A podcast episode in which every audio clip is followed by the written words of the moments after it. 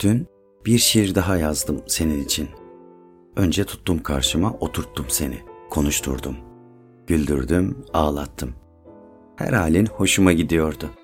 Kadındın ama önce insandın. Güzeldin ama önce iyiydin. Elbette seni yazacaktım. Senin için yazacaktım. Bana çok yazıyorsun diyorlar. Bir insana sen çok yaşıyorsun artık öl denir mi?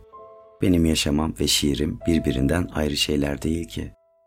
Yaşarken şairliğimi yaşıyorum ben. Yürürken, konuşurken, sevişirken hep şairliğimin içindeyim. O da benim içimde. Birbirimizi tamamlıyoruz durmadan. Sen hiç denize baktığın zaman bir orman gördün mü? Dağların gökyüzüne en yakın olduğu yerde yeraltı nehirlerini düşündün mü hiç? Öpüşürken, sevişirken, açların, yoksulların yüreği çarptı mı sende?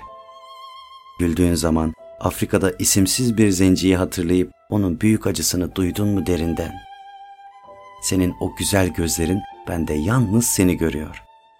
Seviyorsan beni seviyorsun. Beni istiyorsun benden. Oysa ki ben sende bütün insanlığı, güzelliği seviyorum. Al gözlerimi de kendine bir benim gözlerimle bak. Gör ne kadar erişilmez, ne kadar yüce olduğunu.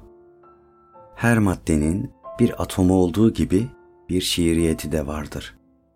Bilgin atomu parçalayan, sanatçı ise şiiriyeti bulan, işleyen ve onu sanat eseri haline getiren insandır. Şiir bir köprüdür madde ile ruh arasında. Şiir güzelliğin en yoğun ifadesidir ve nefes alışıdır duygularımızın.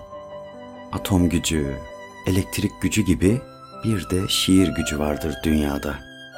Sanatçı bu gücü ellerinde tutan kimsedir işte.